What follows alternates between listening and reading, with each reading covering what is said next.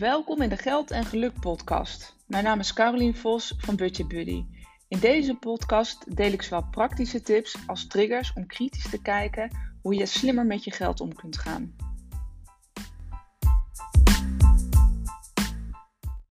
Hey, leuk dat je weer luistert naar een nieuwe aflevering van de Geld en Geluk podcast.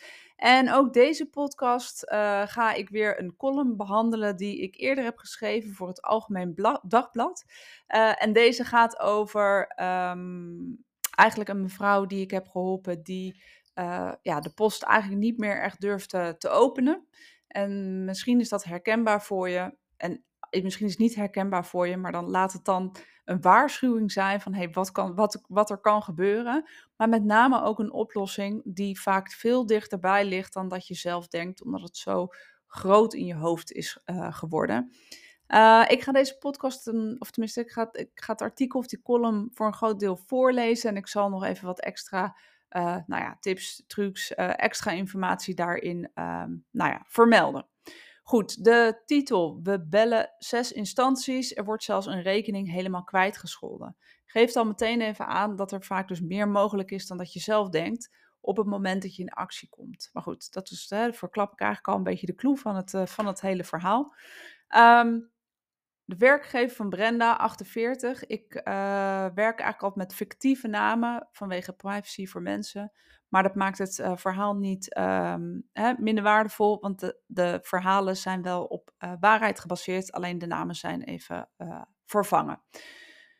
de werkgever van Brenda maakt zich zorgen om de gezondheid van de vrouw en biedt haar een traject aan met een budgetcoach. Nou, voor degene ook die dat niet weten, naast dat ik één op één uh, particulieren of, of ondernemers, ZZP'ers uh, ook hè, uh, help. Dus je kan bij mij gewoon rechtstreeks een afspraak maken op het moment dat je een vraag hebt of hulp nodig hebt.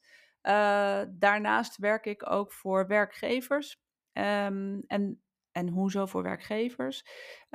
zij kunnen zeg maar, mij inhuren, ofwel voor voor workshops, voor trainingen, dat soort dingen. Maar ook één op één trajecten met mensen. Op hè, op het moment dat er iemand in het bedrijf zit, medewerker met financiële zorgen of stress of iets dergelijks, heeft dat mega impact ook. Natuurlijk op de medewerker, gezondheid van de medewerker, maar daarin ook op de uh, kosten, verzuimkosten van een bedrijf. En uiteindelijk wil je als bedrijf zijnde gewoon gezonde mensen uh, in dienst hebben. En financiën is daar een heel onder, belangrijk onderdeel van. Uh, dus ik ben inderdaad door een werkgever ingeschakeld om, um, ik noem haar maar eventjes, Brenda te helpen met, um, nou, met haar financiën. Wat was aan de hand? Sinds het overlijden van haar man overziet ze haar financiële administratie niet meer. Nou, en dat is inderdaad precies het stuk waarbij ik haar geholpen heb. Ik ga even voorlezen. Ik stap het portiek binnen en werp een blik naar een brievenbus die al duidelijk even niet meer geleegd is. Naast reclamefolders steken er veel enveloppen uit, waarvan de bekende blauwe van de Belastingdienst in de meerderheid. Op de een of andere manier, ik weet niet of jij er ook last van hebt, de Belastingdienst stuurt altijd heel veel brieven. Uh, dat ik denk, had het er niet in één gekund? En zeker op het moment dat je achterstanden hebt, dan blijven ze uh, brieven sturen. Um, en heel eerlijk, dat zijn niet alleen de blauwe brieven, maar dat zijn eigenlijk alle instanties die geen antwoord krijgen op jouw vraag of reactie of, uh, of geen geld zien. Dat is eigenlijk vaak de belangrijkste reden. Dan blijven ze brieven en enveloppen sturen. Oké, ik ga even verder. Ik zie huis nummer 7 staan. Het adres van de mevrouw waar ik een afspraak mee heb. Oftewel, die overvolle brievenbus was van haar. Ik schaam me zo erg, ik overzie het gewoon niet meer, zegt Brenda als ze de deur open doet. Ze friemelt met haar handen en de rode plekken verschijnen in haar hals. Het is duidelijk dat er snel actie nodig is. Mijn man is twee jaar geleden overleden en deed altijd de administratie en geldzaken, vertelt ze. En misschien is dit herkenbaar. Hè? Op het moment dat je samen bent, zeg ik ook altijd: zorg dat je beide op de hoogte bent van wat er speelt. Um, hè, dat je, Tuurlijk, het kan zijn dat de een wat meer doet dan de ander doet. Dat is helemaal niet erg.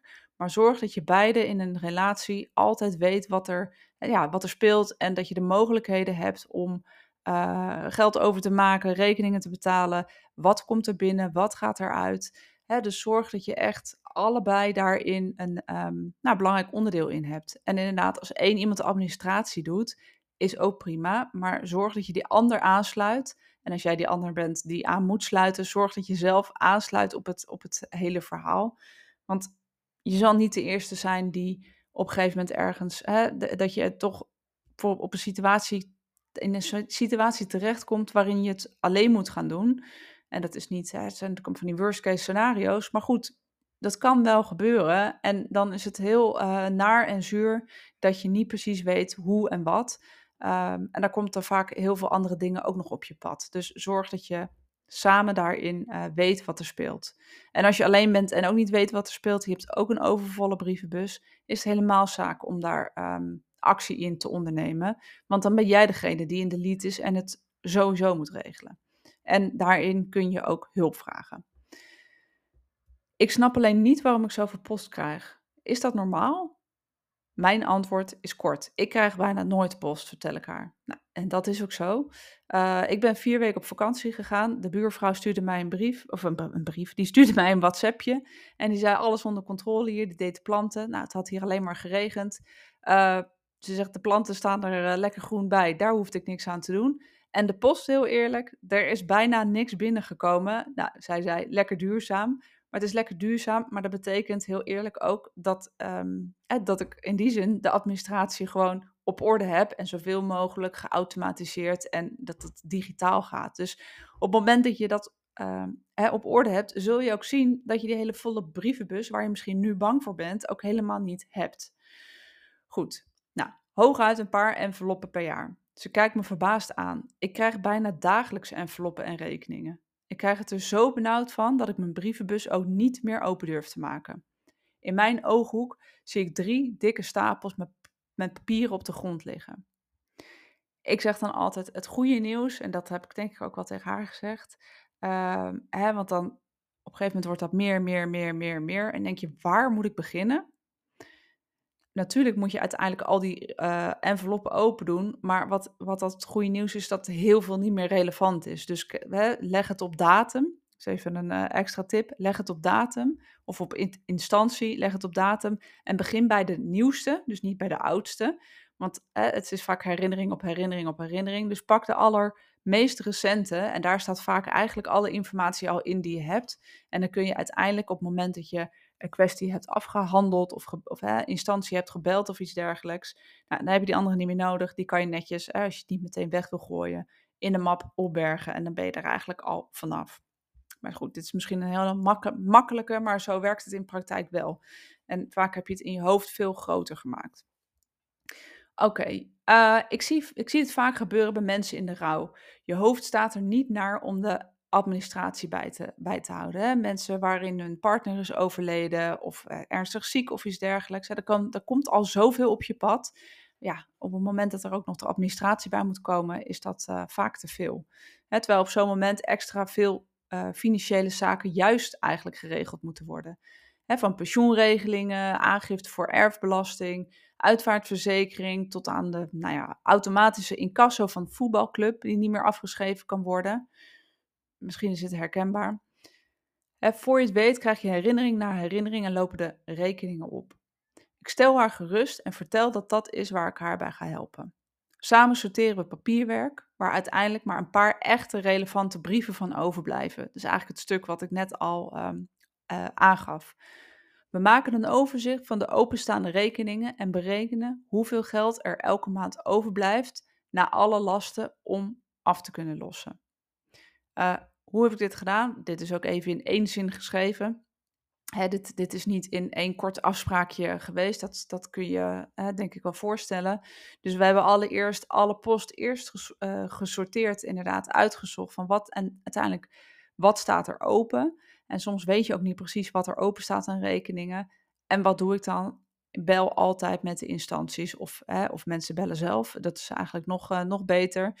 Uh, en ik ben daar om, om te helpen. Um, hè, dus inventariseer eerst dus wat staat er eigenlijk allemaal open voordat je als een kip zonder kop begint met betalingsafspraken en weet ik wat allemaal. Nee, ga eerst inventariseren. Eerst, nou, laat zo zeggen, eerst opruimen. Dingen weggooien die niet relevant zijn. En dan begin je met inventariseren. En dat doe je door inderdaad te kijken welke bedragen staan open. Ofwel dan instanties te bellen. En het er zijn geen domme vragen, want dan denk je, ja, moet ik nou gaan bellen hoeveel geld ik eigenlijk nog moet betalen? Dat is wel een beetje dommig. Dat is niet dommig, want op het moment dat je die mensen belt, die zijn al heel blij dat ze überhaupt contact met je hebben. Uh, en dat jij zelf proactief de stap zet om uh, het gesprek aan te gaan. En je hoeft niet meteen afspraken te maken, maar ga het eerst inventariseren. Dus op het moment dat je bijvoorbeeld zo'n instantie belt, vraag inderdaad, joh, ik ben mijn um, uh, overzicht, hè, of ik ben inzicht aan het creëren, of, ofwel samen met een budgetcoach. Wat staat er open? En op het moment dat ik dat van alle andere instanties ook weet, dan kom ik bij je terug om te kijken voor een betalingsvoorstel. Hè? Niks meer, niks minder. En je zult zien dat mensen echt bereid zijn om je te helpen. Op het moment dat je weet, oké, dit is het bedrag wat er open staat, zul je ook moeten weten, hé, hey, maar wat um, kan ik eigenlijk afspreken aan betalingsafspraken? Uh, dus zorg dat je een overzicht maakt, en dat is inderdaad wat ik zei, wat ik met deze mevrouw samen heb gedaan, van alle inkomsten, alle uitgaven, zodat je ook weet, wat kan ik eigenlijk aflossen? En dan kan je met een voorstel komen. Ik lees even verder. Met dit voorstel bellen we zes instanties, die allemaal erg meewerkend zijn. Er wordt zelfs een rekening helemaal kwijtgescholden. Nadat we het verhaal hadden gedaan over haar man en de situatie waarin ze zat, waren, nou, was er een partij heel coulant en zei: Weet je, uh, het is goed, we, we verscheuren de brief. Ik, weet uh, niet meer precies waar, wat het was. Um, maar in ieder geval was het best een aanzienlijk bedrag wat werd kwijtgescholden. Dus je zult zien dat er heel veel meer mogelijk is. Wat er ook vaak gebeurt is, uh, is dat bijvoorbeeld de incassokosten, of nou heel vaak, maar wat er kan gebeuren is dat bijvoorbeeld ook hè, dat je uh, daar nog over kan onderhandelen om incassokosten bijvoorbeeld um, achterwege te laten. Hè. Ze zijn al lang blij dat die rekening uiteindelijk betaald kan gaan worden. Zie je dat je het in je hoofd vele malen groter hebt gemaakt dan dat, het in, dat er daadwerkelijk aan de hand is, dat beaamt ze opgelucht. Dat had ik twee jaar eerder moeten weten, zegt ze. Ja, dus deze mevrouw heeft dus inderdaad gewoon twee jaar lang haar kop in het zand gestoken. Ofwel, hè, de hoofd stond er ook letterlijk niet naar door alles uh, dat, dat, dat, haar man uh, was overleden. Dus, dus natuurlijk hè, alle begrip daarvoor. Maar als ze toen een aantal enveloppen had geopend, of het in ieder geval daar al eerder uh, nou ja, support of hulp in had gevraagd, dan was dat niet zo'n heel groot opgelopen ding geworden. Geloof nooit zomaar die angstige stemmetjes in je hoofd. Ze zijn een slechte raadgever, weet ik. Maak je post meteen open, lees je e-mails, pak de telefoon, betaal je rekeningen direct. Ik beloof je dat je er een lege brievenbus voor terugkrijgt. Dus op het moment dat jij hier ook mee kampt, dat je denkt, oh, ik heb inderdaad ook echt gewoon een berg met uh, ongeopende uh, rekeningen. Hè, misschien is, hoeft het niet zo, zoals dit, dat, als dit voorbeeld, een opplofte brievenbus te zijn. Dat kunnen inderdaad ook stapeltjes zijn van dingen dat je denkt, oh ja, dat moest ik ook nog doen, dat moest ik ook nog doen. Ga daarmee beginnen. En het is misschien een klus, ja, maar of doe het in stapjes of doe het met iemand. Want vaak, hè, als je het met iemand doet die er wat verder van afstaat, misschien vind je het lastig om hulp te vragen, maar iemand die er verder van afstaat, zal veel objectiever naar de dingen kijken dan hoe jij ze ziet. Want waarschijnlijk kijk jij al maandenlang naar die stapels, naar die rekeningen die nog betaald moeten worden, en heb jij er zo'n grote, uh, zo'n groot verhaal van gemaakt denk je echt, nou, dit komt echt nooit meer goed. En zal het in werkelijkheid meevallen. Dus hè, ga eraan beginnen, want op het moment dat je eraan gaat beginnen en dat je weet wat er ligt, want soms denk je dat je het weet, maar is dat helemaal niet zo? Hè, als je weet wat er ligt, dan zul je er ook een plan voor kunnen maken en anders niet. Dus ga je mee aan de slag als je jezelf hierin herkent. En um, nou, op het moment dat je denkt, hey, dit herken ik heel erg. Ik heb hier ook uh, last van. Of ik heb een. Uh, of ik heb bijvoorbeeld, ik ben werkgever of HR of iets dergelijks. En ik heb iemand in dienst waarvan, dit, waar, waarvan ik weet dat dit ook speelt. Stuur me gewoon even een berichtje. Ik zal even een link in de show notes delen.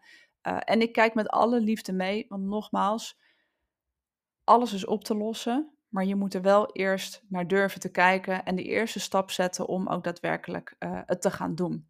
Dus kan je dat niet zelf, zorg dat je daarin hulp krijgt. En ik zal dus inderdaad even een linkje delen op het moment dat je denkt: hey, ik heb, uh, ik heb Caroline hiervoor nodig. Stuur me gerust even een berichtje. En nogmaals, ik kijk met liefde mee.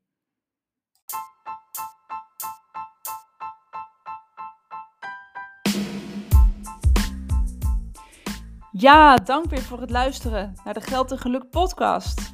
En ik zou het heel tof vinden als je me een 5 sterren review zou willen geven. Op het moment dat je op Spotify luistert, kan je dat doen door de, bij de drie puntjes de 5 sterretjes aan te klikken. En dat helpt mij enorm om weer nog meer mensen te inspireren om beter voor hun geld te zorgen. Dank je!